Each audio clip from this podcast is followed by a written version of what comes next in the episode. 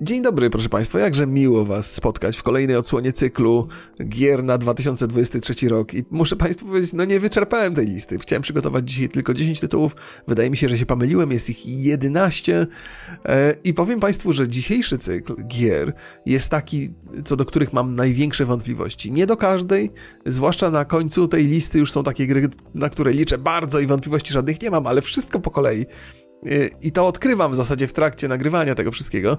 Boję, o to się boję, o tamto się boję, to się martwię, w to nie wierzę i tak dalej, i tak dalej. Więc proszę Państwa, taka karuzela dzisiaj będzie, y, ale mam nadzieję, że, że z przyjemnością pewną Państwo spędzą ze mną ten czas. Nie sądzę, bym był w stanie Państwa zaskoczyć dzisiaj jakoś specjalnie. Te wszystkie gry, o których mówię, to jest coś, o czym na pewno mieliście okazję już usłyszeć nieraz. Pewnie sami sobie zacieracie łapki. Być może też się okazać, że moja niechęć albo obawy co do co do niektórych tytułów, zniechęcą Państwa do mnie, ale proszę zachować otwarty umysł. Mam nadzieję, że będziecie e, ostatecznie podzielać moje. E, ja wiem, ob, nie, nie chcę, żeby. Nie podzielajcie. Nie, proszę, nie, to źle powiedziałem. Nie chciałbym, żebyście Państwo podzielali moje, moich obaw. Bądźcie przy nadziei. Zapraszam. Zacznijmy sobie może od Dead Island 2, no bo wypadałoby o tym powiedzieć. Czy pań, Państwo wierzą w tę grę, że ona będzie wybitna? Ja myślę, że w najlepszym wypadku to będzie poprawny średniak. W najgorszym wypadku to będzie takie Saints Row w krainie zombie. No ale zobaczymy. Jakoś tam się to zapowiada w miarę sensownie. Tyle lat czekania. Jaka jest fabuła? Saints Row... Tfu, tfu, tfu. Dead Island 2. Akcja gry Dead Island 2 toczy się po wydarzeniach przedstawionych w pierwszej odsłonie cyklu. Wirus zmieniający ludzi w zombie dotarł do Kalifornii. Wojsko, które miało opanować, zapanować nad sytuacją, nie zdołało wykonać zadania, to też ostatecznie wycofało się z Los Angeles. Metropolia została objęta kwarantanną, a jej mieszkańców pozostawiono na pastwę losu. Okazuje się jednak, że w mieście aniołów przebywają osoby, które po ugryzieniu nie zmieniają się w żywe trupy. Zamiast tego choroba zapewnia im różnorakie zdolności, o których zdrowi ludzie mogą jedynie pomarzyć. W trakcie rozgrywki wcielamy się w jednego z takich zainfekowanych, który wraz z innymi podobnymi mu szczęśliwcami postanawia dowiedzieć się więcej o epidemii i dotrzeć do jej źródła, a także odkryć prawdę o sobie samym. Mamy tutaj kawał historii, głębokie przemyślenia filozoficzne na temat przyszłości ludzkości. No i pewnie rzeź i mordowanie. Ja mam nadzieję, że będzie to takie radosne mordowanie, nieskrępowane niczym przy użyciu całej masy arsenału i może też będzie można postrzelać do tych zombiaków. Liczę na to, że to miasto będzie ciekawe, że będzie jakaś eksploracja, że będą jakieś poszukiwania. Nie liczę na przesadnie interesujący gameplay, no po prostu zwykłą sieczkę, to z czym mieliśmy do czynienia w Dead Island. No ale na miłość boską, to pozostaje pytanie, czy te 8 lat robienia tej gry, a pewnie nawet dłużej, czy to wpłynęło pozytywnie na cokolwiek? W sensie, czy to się da ograć, czy to się da w to pobawić i czy to sprawi ileś tam frajdy? No mam nadzieję, no ale wierzyć w Dead Island 2 to trzeba mieć dużo naiwności dziecięcej w sobie. E, ale tak czy inaczej, no warto wspomnieć o tym tytule. Do licha ciężkiego. Najwyższa pora, żeby on się pokazał, ujawnił, e, został wydany i żeby był przynajmniej przeciętny. No to będzie już nie najgorzej. Dead Island 2, 28 kwietnia 2023. The Legend of Zelda Tears of the Kingdom na miłość boską, moja nienawiść do Zeldy jest niezmierzona. Ja nie cierpię tej gry. Ona jest okropna, poprzednia część wygląda fatalnie, steruje się parszywie i w ogóle nie lubię Nintendo. Nie, nie, nie cierpię. To jest taka część tego gamingowego świadka, który mi nie przypada do gustu. Nintendo nie lubię z całej masy różnych powodów. Ani ma jakiś taki biznesowy model totalnie nie wspierający ani fanów, ani youtuberów. To nie, ale ale trzeba przyznać, że sprzedają te konsole w gigantycznych ilościach. Mam nadzieję, że Steam Deck trochę ich kopnie w dupę. Tak, proszę Państwa, cierpię na niechęć. Przepraszam wszystkich tych, którzy uwielbiają Nintendo i uwielbiają Zeldy. Ja nie mogę zrozumieć, co jest takiego interesującego w tej poprzedniej odsłonie tych gier. Okropne to jest, ale Wychodzi kolejna Zelda w tym roku i oczywiście, że wszyscy sobie bardzo dużo obiecują i pewnie dostaną dokładnie to, na co liczą, no bo jednak Nintendo potrafi dowozić te gry, bo może poza Pokémonami, ale tam nie trzeba, bo to i tak się sprzeda. Potrafią dowozić te gry i zaspokajać te potrzeby, wiedzą czego ich gracze potrzebują i no i, no i spełniają to i wiem, że wszyscy się dobrze bawią i że ta poprzednia Zelda to jest w ogóle ogromny sukces i ogromna radość dla wszystkich. I myślę, że to jest jeden z powodów, dla których ja nienawidzę tej Zeldy tak bardzo, że nie rozumiem czemu. Nie rozumiem czemu nie potrafię się w to dobrze bawić. Zazdroszczę wszystkim tym, którzy w poprzedniej Zeldzie spędzili setki godzin, odkrywali ten świat na wszelkie możliwe sposoby, to sobie oczywiście poglądałem screenshoty, poglądałem sobie filmy z tej gry. Nie wierzę, żeby to tak wyglądało jak na tych filmach, uważam, że to jest ściema, ale proszę Państwa, być może filmy implementują to, co jest ważne dla każdego gracza Nintendo, czyli wyobraźnię, czyli ta grafika na filmach jest podkręcona, żeby zastąpić to, co normalnie w grach się używa, czyli wyobraźnię. E, bo będziemy na pewno widzieli tę grę lepiej niż ona faktycznie wygląda. Może nie wszyscy, na pewno nie ja, część z Państwa na pewno będzie widziało, widziała tę grę e, wybitnie, więc gratuluję wszystkim tym, którzy Zeldą się zachwycają i bawią się przy niej dobrze. Zazdroszczę ogromnie. Zakładam, że przy tej odsłonie będziecie się bawili równie dobrze jak, jak przy poprzedniej, więc kolejna setka godzin przed Wami, albo i nawet więcej radości, odkrywania, świetnej zabawy i naprawdę jest czego pozazdrościć. A ta ogromna przyjemność i radość wydarzy się 12 maja 2023 roku. Jeżeli nic się nie zmieni, a Nintendo to jest raczej stałe w swoich datach, więc należy się spodziewać tego maja. No cóż, ma dla każdego coś miłego. Hellblade 2. Ja nie wiem, ja chyba dzisiaj dobrałem te gry wedle jakiegoś szalonego klucza. Ja też nie przepadam za pierwszą częścią gry. Ale popatrzcie Państwo, jaki jestem, przynajmniej jaki jestem uczciwy, nie przepadam, ale wskażę, bo jest to pozycja niewątpliwie warta uwagi. Chyba będzie pierwszy projekt na Unrealu 5, który w pełni mm, pokaże, na co ten silnik stać. No bo takie zabawy z, z Fortnite'em na Unrealu 5 oczywiście są bardzo atrakcyjne, zwłaszcza jak człowiek się przygląda detalom, no ale to jest taka gra, która jest oparta trochę na realistycznej grafice, no i ten silnik ma szansę tam się zaprezentować odpowiednio. Historia wygląda obiecująco, chociaż muszę przyznać, że ta w pierwszej części gry do mnie uśpiła strasznie. Ja nie lubię takich schiz totalnych. Ja lubię proste historie, okej? Okay? Jest chłopak, jest dziewczyna, jest miłość, jest walka o miłość, jest zabijanie tego złego. Koniec historii, tada! To jest dla takich prostych chłopaków jak ja opowieść.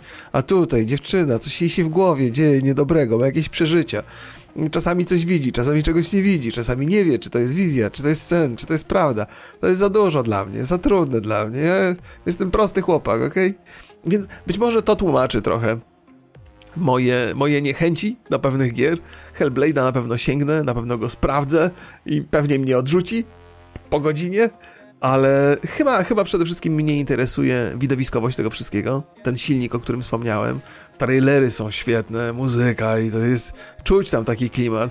Ninja Theory, czyli deweloperzy tej gry, no mają doświadczenia no i potrafią zbudować te historie w ten taki specyficzny swój sposób, no i przy okazji tą taką, tam jest taki silny nordycki klimat. Ja, jak mówię, nie pograłem w Hellblade'a w pierwszą część, więc może to jest w ogóle chybiony strzał, ale, ale te, te, te muzyka w tych trailerach, te właściwie przyśpiewki, rzec by należało, no robią wrażenie, nawet na mnie. Jest kolejna gra, którą chciałbym pokochać, ale wiem, że mi nie wejdzie, bo co? No bo prosty chłopak jestem. Niektórzy złośliwi powiedzieliby, nie prosty jesteś, tylko głupi jesteś i mało wymagający. No być może macie rację, być może macie rację. No ale człowiek jest jaki jest. No co mam zrobić? Przecież teraz w wieku 45 lat nie zmienię swoich zasobów intelektualnych ni stąd, ni zowąd, nie? Albo zapotrzebowań. Hellblade 2, data jeszcze nie została ogłoszona, miejmy nadzieję, że to się wydarzy w 2023 roku. No to jest ekskluzyw, yy, trochę game passowy, więc Microsoft to najwyższa pora, żeby w tym roku trochę zabłysnąć, bo zeszły rok niekoniecznie był udany. Hmm. Wilk pośród nas, część druga, czyli The Wolf Among Us 2.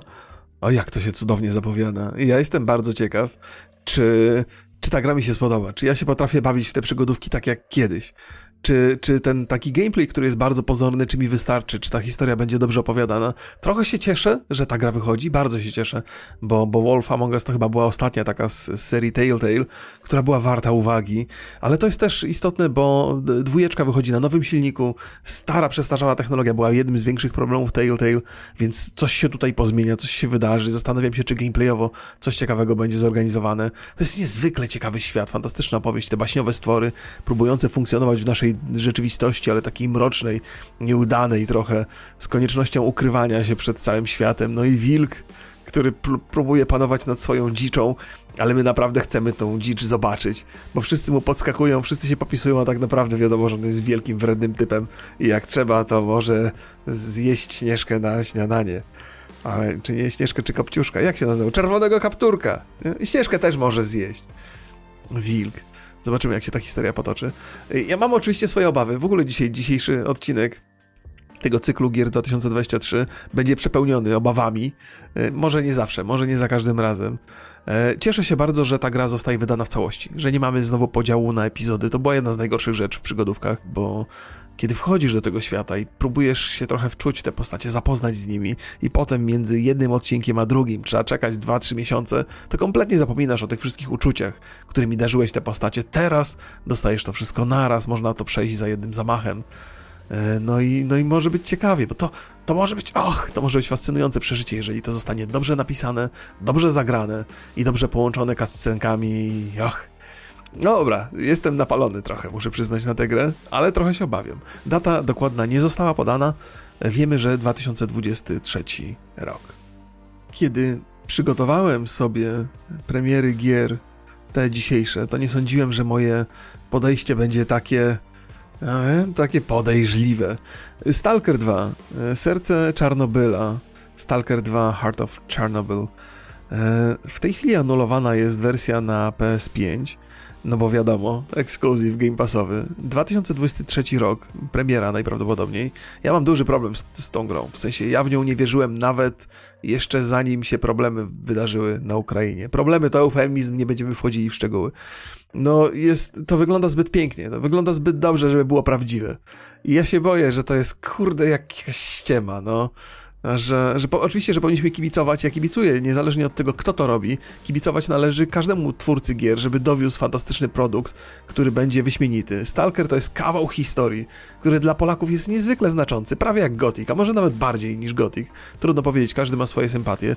Stalker 2 na, na, na trailerach wyglądał fenomenalnie.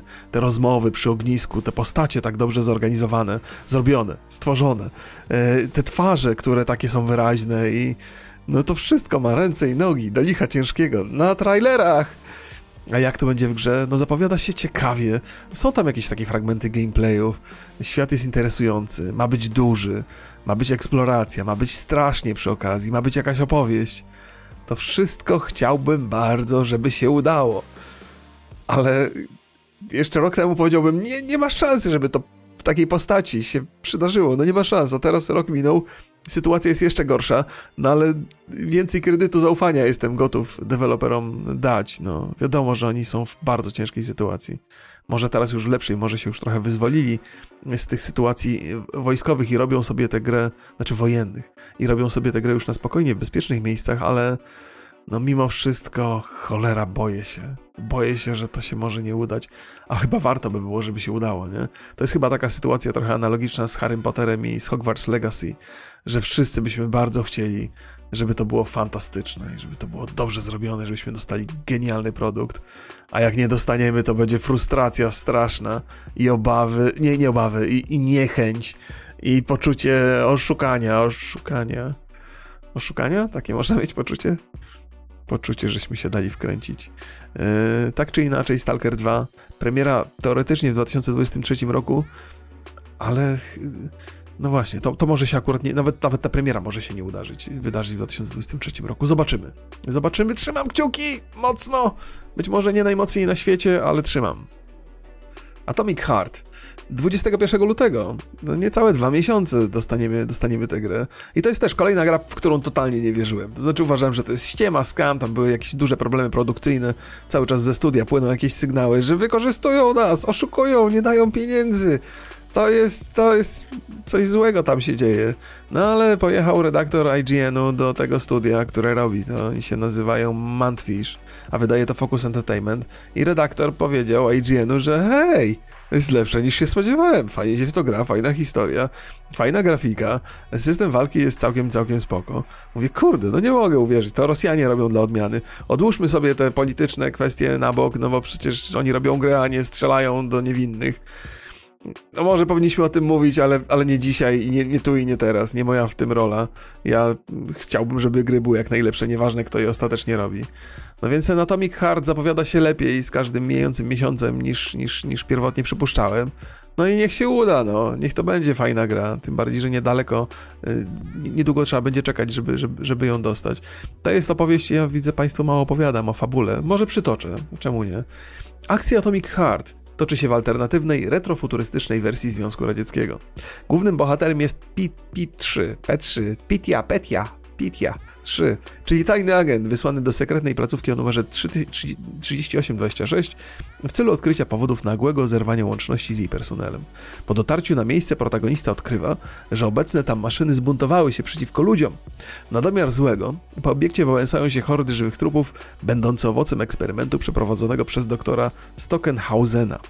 O tym, co dokładnie się tu wydarzyło, bohater dowiaduje się w trakcie plądrowania zakamarków placówki. Ja powiedziałem chyba, rozmawiałem o tym materiale jakiś czas temu, mówiłem, że to jest ciekawa kwestia, zważywszy na to, że ona pokazuje pewną porażkę Związku Radzieckiego i, i ktoś mnie zapytał, hej, to, to niech pan, co, ty opowiadasz, to, jaka porażka, czemu Związek Radziecki miałby się tego wstydzić? No hello, zrobili roboty, roboty się zbuntowały, to nie jest taka wizja, która nawet dzisiaj, w, w obliczu obecnego rządu, to jest propaganda porażki, a nie propaganda sukcesu. Rosjanie zawsze lubili propagandę porażki, wszystkie te kraje Europy Wschodniej, które były z Rosją związane, rozumieją, że o porażkach się nigdy nie mówi, się mówi o sukcesach, więc jeżeli deweloper rosyjski robi film o tym, znaczy grę robi o tym, że jest jakaś rosyjska instytucja, poradziecka wręcz, i która ma porażkę ciężką, no to to jest właśnie ten satyryczny element tej całej opowieści. I jest to zaskakujące, że to przechodzi przez, przez e, ręce cenzorów rosyjskich. Chociaż może, może w Rosji jeszcze nie jest aż tak e, skrajnie, ale na pewno będzie, więc być może powinniśmy się cieszyć, że ta opowieść jednak opowiada o porażce Związku Radzieckiego. Ale z drugiej strony e, Pietia jest agentem, także rosyjskim i być może on uratuje świat. Najpewniej taki, taki jest plan. Ciekawie się to zapowiada. Bajoszokowo bardzo. Amerykanie nie chcą zrobić Bioshocka, więc proszę bardzo. Zrobili go Rosjanie. I ta gra się wpisuje w cykl moich dzisiejszych opowieści, że nie wierzę, żeby to wyszło w takim stanie, e, ale to trochę wierzę bardziej po ostatnich, do, e, ostatnich doniesieniach dziennikarzy. O ile IGN-owi można wierzyć, no bo oni też pewnie trochę rzeczywistość e, próbują zaczarować. Oni, IGN ma taki cykl materiałów IGN First i zakładam, że to działa na takiej zasadzie, że oni dostają dostęp jako pierwsi, dzięki temu publikują materiały i te materiały wiadomo, że oni mają zasięgi, więc są oglądane, e, ale raczej nie mogą sobie pozwolić na to, żeby zrobić IGN First o tym, jak gra jest do dupy, nie? bo by ich nikt następnym razem nie zaprosił. Więc trzeba brać to pod uwagę. Ja lubię, jak się moje wizje spe spełniają, w sensie jak podejrzewam, że coś będzie krapem i jest krapem. To wiadomo, że każdy lubi, jak się jego przepowiednie spełniają, ale chciałbym, żeby to było dobre. Chciałbym, żebyśmy się przy tym świetnie bawili. A Bioshocka kolejnego potrzebujemy. Jak najbardziej. Nawet w tej radzieckiej odsłonie. 21 luty. Za niecałe dwa miesiące. Assassin's Creed Mirage jest odpowiedź Ubisoftu na te płacze, jęki i żądania zasłużone jak najbardziej i bardzo sensowne na temat powrotu Asasyna do uniwersum Asasyna. Te, te, najnowsze, które oczywiście, najnowsze gry, które sprawiają mi mnóstwo frajdy nie tylko mi, bo to się sprzedaje gigantycznie. Jakieś ogromne pieniądze na, na Valhalla Ubisoft zarobił. Mówiąc o trzech częściach, mam na myśli oczywiście Origin, Odyseję i, i Valhalla, to nie są asasyny do końca. Wszyscy o tym wiemy. Większość z nas to akceptuje, że to są RPG, które są zbudowane gdzieś tam w okolicy tego świata asasyna, wykorzystują te legendy, wykorzystują to uniwersum, robią to dosyć sensownie, ale to nie są opowieści o asasynach. Więc Ubisoft powiedział, no dobra, chcecie, będzie wam dane. Yy, oferujemy wam Assassin's Creed Mirage, E, z, z, bohaterem, który od początku do końca jest asasynem, przeżywa asasyńskie przygody w odrobinę e, ograniczonym rozmiarowo świat, świecie, nie takim wielkim.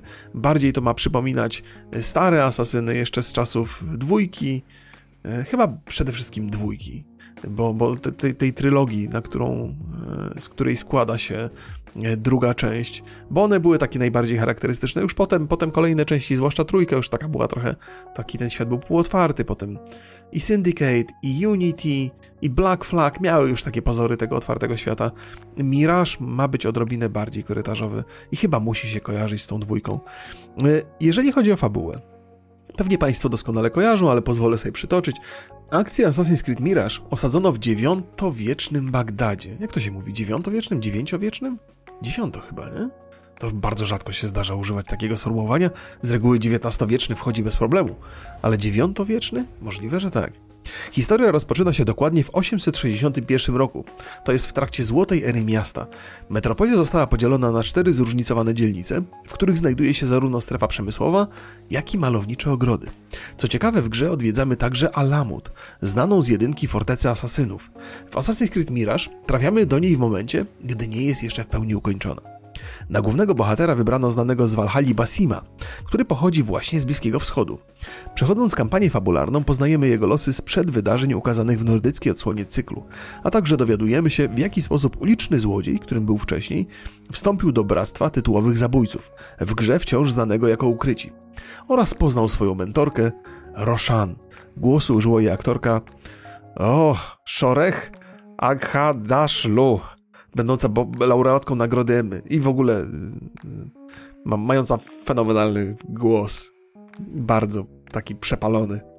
Nie wiem przez co. Y, być może przez lata fajek, a być może po prostu przez lata nadużywania głosu. Niewątpliwie jest to bardzo rozpoznawalna aktorka. No więc historia Basima jest, to jest w ogóle ciekawa, ciekawy sposób opowiadania e, tego typu historii, że mam, znamy bohatera, jest, jest tam bliski. I tak sobie myślę, kurde, być może to jest też tak, to jest taka szwana sztuczka, żeby fanów starego typowego asasyna przekonać trochę do tych nowych odsłon. No bo jak ktoś pozna historię Basima, a wcześniej odmawia, mówi, nie piernicze, ja nie gram w te RPG, ja nie chcę, trzymajcie to z daleka, Ubi Game, nie dla mnie, i teraz, jak pozna historię Basima tutaj, to może będzie chciał ją kontynuować potem w Valhalla, nie? Myślicie, że to jest taki szczwany plan? Tak czy inaczej, Mirage zapowiada się nie najgorzej. E, to może być niezła gra, zważywszy na to, że Ubisoft wiele się nauczył od czasu tych takich odsłon tradycyjnych Asasyna. E, I ona będzie, i ta gra będzie mniejsza przede wszystkim, więc tutaj zakładam, że nie, ja wiem, nie ilość, tylko jakość będzie grała główne skrzypce, więc dla, dla, dla Ubisoftu może być to okazja na zrealizowanie jakichś takich ambicji e, i opowiedzenia historii w sposób wyśmienity, lepszy niż kiedykolwiek wcześniej. Na to powinniśmy, proszę Państwa, liczyć, nie? Ja na to liczę w przypadku wszystkich tych gier, nawet tych wcześniejszych, w które nie do końca wierzę. E, tak czy inaczej, proszę Państwa, premiera w 2023 roku bez konkretnej daty. Armored Core 6 Fires of Rubicon. Kolejna gra od From Software, zapowiedziana na 2023 rok, bez konkretnej daty po raz kolejny ale wygląda ciekawie. Jestem niezwykle zainteresowany nowymi dokonaniami From Software. No to jest firma, która ma ambicje, potrafi robić gry i rzeczy robią no niezwykłe, trzeba przyznać. Jestem ciekaw, co w tej swojej starej franczyzie z mechami zrobią ciekawego. To jest gra, która mi umykała przez lata. I jakoś tak gdzieś schodziła z mojego radaru, grałem w inne rzeczy, mniejsza z tym, ale mechy zawsze mnie ciekawiły. To jest niespecjalnie popularny gatunek dzisiaj. Nie wiedzieć czemu, bo wydaje się, że mechy to jest coś, co powinno graczy strasznie kręcić, ale z jakiegoś powodu nie kręci. Zdecydowanie bardziej wolimy fantastykę, na to wygląda. No ale z drugiej strony trzeba powiedzieć, hej, y, From Software ma wielu, wielu fanów y, i ci fani pewnie, że wolą fantastykę, ale jak From Software wypuści grę o mechach, to i zagrają. I się może to okazać całkiem popularny produkt, y, ale może być totalnie może odbiec od dotychczasowych, y, takich najbardziej popularnych dokonań y, From Software. To może być totalnie inna gra, ale zakładam, że zrealizowana z, z, z ambicjami i z dobrymi y, chęciami. Fabuła, proszę Państwa. Akcja toczy się w odległej przyszłości. Fabuła obraca się wokół tajemniczej substancji odkrytej na planecie Rubicon 3. Spodziewano się, że zrewolucjonizuje ona energetykę oraz komunikację, pozwalając ludzkości na wykonanie wielkiego skoku technologicznego. W rzeczywistości doprowadziła zamiast tego do katastrofy, w wyniku której planeta wraz z okolicznymi gwiazdami zostały ogarnięte ogniem, tworząc tak zwany płonący system gwiezdny. 50 lat później substancja ponownie pojawiła się w Rubikonie 3. Poprzednia katastrofa nie zniechęciła żądnych zysku ludzi, więc na planetę przybywają korporacje oraz grupy oboru chcące uzyskać kontrolę nad tym surowcem. Gracz wciela się w najemnika, który trafia na Rubikon 3 i zostaje wrzucony w sam środek konfliktu między wieloma frakcjami o kontrolę nad planetą. Ja jestem ciekaw, w jaki sposób ta fabuła będzie opowiedziana. Czy ona będzie taka tajemnicza, czy będzie taka enigmatyczna. Trochę pachnie mi enigmą co się stało 50 lat temu, co przetrwało po 50 latach. Może wam powiemy tą historię, a może sami musicie się domyślić, czytając notatkę na karabinie. Kto wie. Zobaczymy, zobaczymy, zobaczymy. Jak mówię, mogę śmieszkować trochę i pewnie, że będę, ale jest to gra, która mnie interesuje. Ona jest dosyć wysoko na tej mojej dzisiejszej liście zainteresowań. Tak jak powiedziałem na wstępie, konkretna data nie została jeszcze podana. Pewnie możemy się tego spodziewać w końcówce 2023 roku. Teraz chyba Państwa zaskoczę. Everspace 2. Ja pograłem trochę w jedynkę. Premiera została zapowiedziana na marzec 2023 roku. E, w tej chwili dostępne jest demo. Proszę sobie e, pograć. E, gra wygląda pięknie, jest absolutnie przecudowna. Nie jestem do końca przekonany, czy w jakiejś dłuższej perspektywie gameplay mnie zainteresuje, ale jak mówię, gra jest u mnie wysoko. Mam nadzieję, że Państwa zaskoczyłem. Ja lubię te kosmiczne opowieści, zwłaszcza po ostatnio ogranym przeze mnie Horusie, który jest cudowny, ogrywanym powiedziałbym nie ogranym, ale ogrywanym. Więc wiele sobie obiecuję w kwestii Everspace'a 2. W ramach fabuły. Akcja gry Everspace 2 e, toczy się po wydarzeniach przedstawionych w pierwszej części serii. Głównym bohaterem tej produkcji jest jeden z kosmicznych pilotów, któremu udało się pokonać złowrogiego admirała Gorsa. Jako klon poszukiwany przez władze, nasz podopieczny został zmuszony do przybrania fałszywej tożsamości i zarabiania na życie jako górnik. Z czasem jednak protagonista wplątuje się w intrygę sporego kalibru, co ponownie zmusza go do zajęcia miejsca za sterami gwiezdnego myśliwca. Z mechaniki Państwu także coś niecoś opowiem. Ważną rolę w grze odgrywają elementy RPG. Choć zmagania rozpoczynamy na pokładzie niezbyt imponującego statku, z czasem nasz hangar zaczyna się zapełniać kolejnymi modelami, które zróżnicowano pod względem gabarytów i wyglądu, a także klasy determinujące ich statystyki oraz dos dostępne uzbrojenie. To jest coś, co ja uwielbiam. Ja uwielbiam latać po kosmosie i mieć coraz większy statek. Dla mnie Star Citizen powinien być pewną mekką, ale ja nie mam zaufania do gier, które są produkowane w nieskończoność. Tak czy inaczej. Statki można również ulepszać e, oraz dopasowywać do indywidualnego stylu gry poprzez instalowanie coraz lepszego wyposażenia. Warto przy tym pamiętać, że poszczególne podzespoły działają tym lepiej, im większy efekt synergii zachodzi pomiędzy nimi. Nie każda broń, moduł lub dodatek pasuje idealnie do pozostałych elementów wyposażenia, czy do każdego rodzaju statku. Nasz potencjał bojowy rośnie również dzięki talentom odblokowywanym i rozwijanym w miarę postępów. Niepotrzebny sprzęt możemy natomiast sprzedawać na stacjach kosmicznych, jednak ceny za poszczególne towary zmieniają się, w zależności od popytu i podaży. No to ma to takie, taki, taki vibe e, Free Space'a, Elita czy Pioniera. Pionier chyba był taki. Nie, Privatera. Privatera, w którego grałem e, latami. Everspace się rozrósł bardzo, bo to pierwotnie był taki rogalik, gdzie wsiadamy do statku, latamy, zdobywamy jak najwięcej, rozwalamy przeciwników. Na skutek tych naszych podbojów, oczywiście tracimy co tam żeśmy zdobyli, ale mamy jakieś tam punkty takie, które możemy przeznaczyć na wzmocnienie swoich umiejętności i zdolności i dalej, i w kółko, i w kółko, i w kółko. A tymczasem to się rozrosło do całkiem sporych rozmiarów i ja lubię taką, taką ewolucję tego, ty tego typu gier, gdzie nagle pojawiają się jakieś elementy handlowe, gdzie są jakieś opowieści, gdzie jest hangar, gdzie jest ulepszenie statków, gdzie jest myślenie o tym, co chcemy tam naprawdę zbudować. Więc wygląda to obiecująco. Ja jestem, ja jestem zachęcony. Polecam Państwu ściągnąć sobie demko i zobaczyć, jeżeli interesują Was te kosmiczne klimaty. A jeśli Was nie interesują, to i tak polecam, bo to jest gameplayowo bardzo atrakcyjny produkt. Premiera w marcu 2023. Eee, zachęcam. Suicide Squad Kill the Justice League 26 maja od Rocksteady. Wiecie Państwo, że jestem niepoprawnym optymistą, jeżeli chodzi o te superbohaterskie gry. Ostatni Marvel Avengers, ostatni Gotham Knights, no cóż, nie zachwyciły. Ten, ten, ten pierwszy był fatalny, ten drugi był odrobinę lepszy. Ja przyszedłem tę grę. To jest, to jest pewien upór e, powinniście u mnie docenić. Nawet jeżeli uważacie, że mój gust jest nie do końca idealny, a moje zapotrzebowanie na giercowanie też może nie jest perfekcyjne, no to jednak e, jak już w coś, coś wierzę, na coś mam ochotę, to idę za, zaparte. Liczę bardzo mocno na ten Suicide Squad. E, Rockstar to jest... Znaczy Rocksteady. Sobie powiedziałem Rockstar, naprawdę? Mam nadzieję, że tylko raz. Rocksteady Studios to jest ta firma, która odpowiada za Gotama, za, tfu, za, za Batmana. za, za, z Arkham Asylum i kontynuację i oni są naprawdę świetni. Potrafią zrobić dobrze dopieszczony produkt. Eee, chyba, że ktoś go przenosi na PC inny, bo pamiętacie, ostatni Batman był fatalny w wersji PC-owej, ale to dlatego, że zewnętrzna firma robiła port równolegle z produkcją gry i to nie wyszło kompletnie. E, I to jest też tak.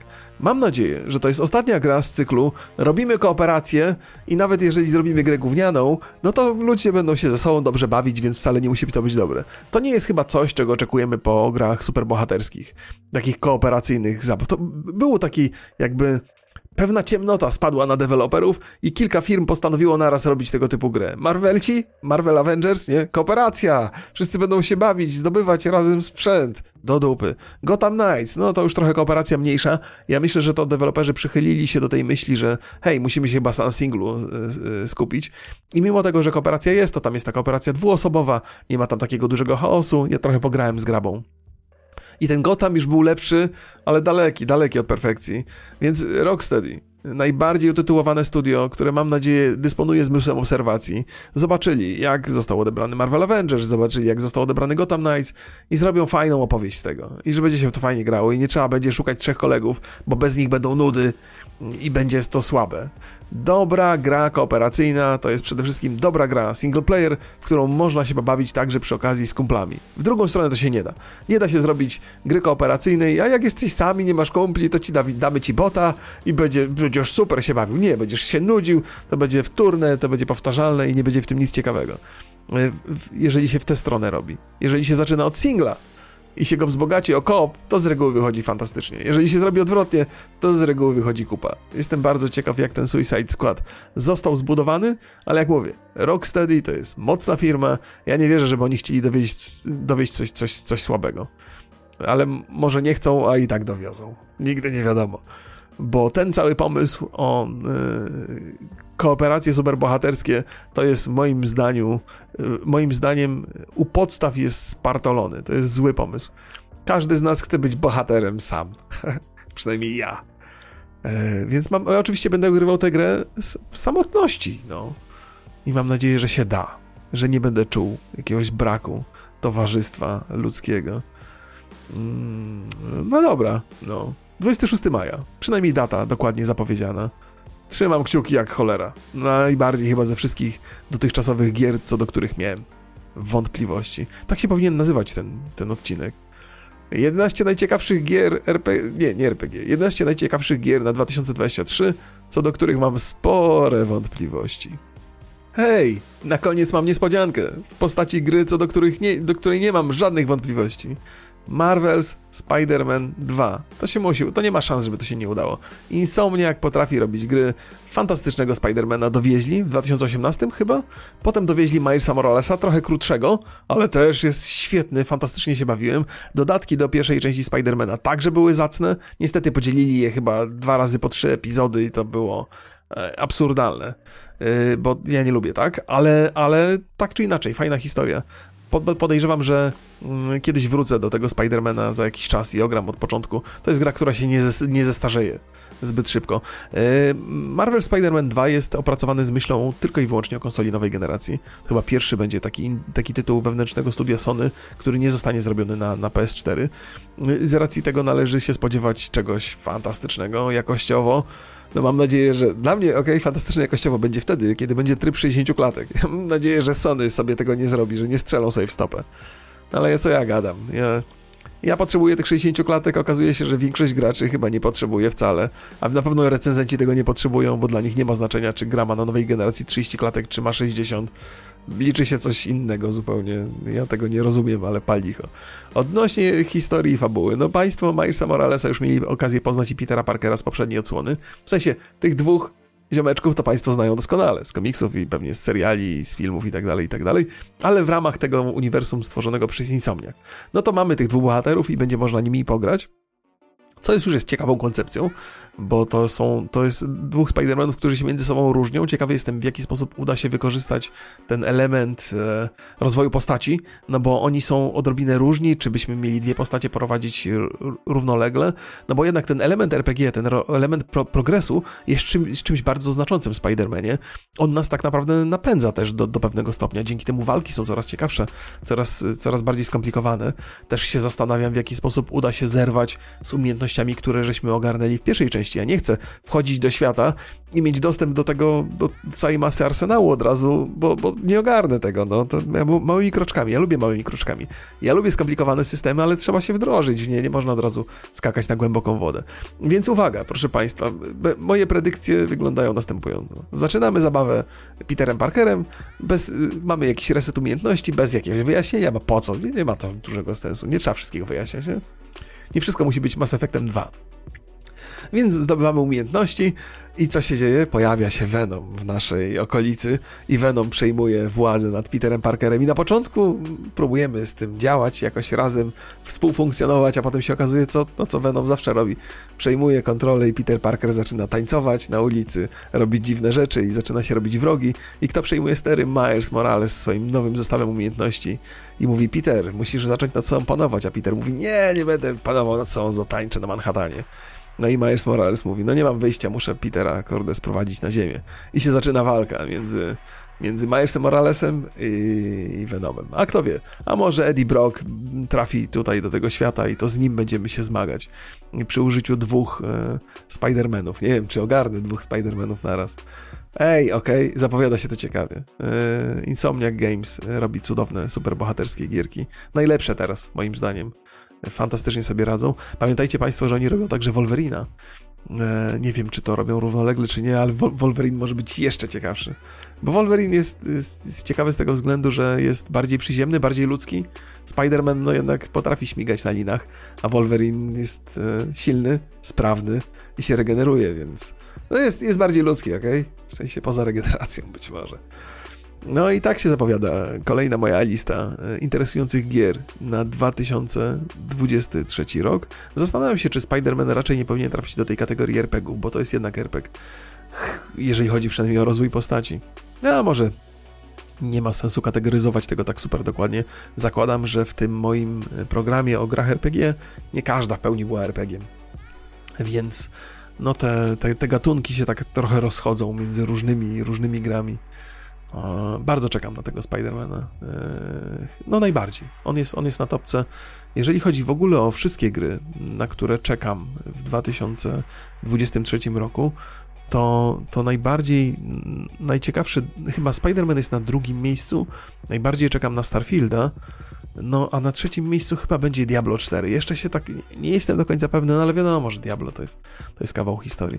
Pozdrawiam Państwa bardzo serdecznie. Cieszę się, że spędziliście ze mną ten czas. Mam nadzieję, że, że, że w miarę miło było. Ja wiem, że dzisiaj przyjąłem taką trochę narzekającą konwencję i wiem, że nie są Państwo do tego przyzwyczajeni, jeżeli chodzi o mnie. Być może polubiliście mnie trochę za te moje różowe okulary, no bo ktoś musi takie nosić, a dzisiaj tak było trochę niepewnie w tym zakresie. No ale co, no przecież wszyscy jesteśmy graczami i wszyscy chcemy, żeby te gry wychodziły jak najlepiej, a wątpliwości od czasu do czasu y, zdrowo jest mieć. Tak, tylko żeby je zwerbalizować. Zwerbalizować, bo tak naprawdę i tak czekam jak wariat na wszystkie te gry i mam nadzieję, że będą udane. Nie? Pozdrawiam Was bardzo serdecznie. Do zobaczenia, do usłyszenia. Pa, pa.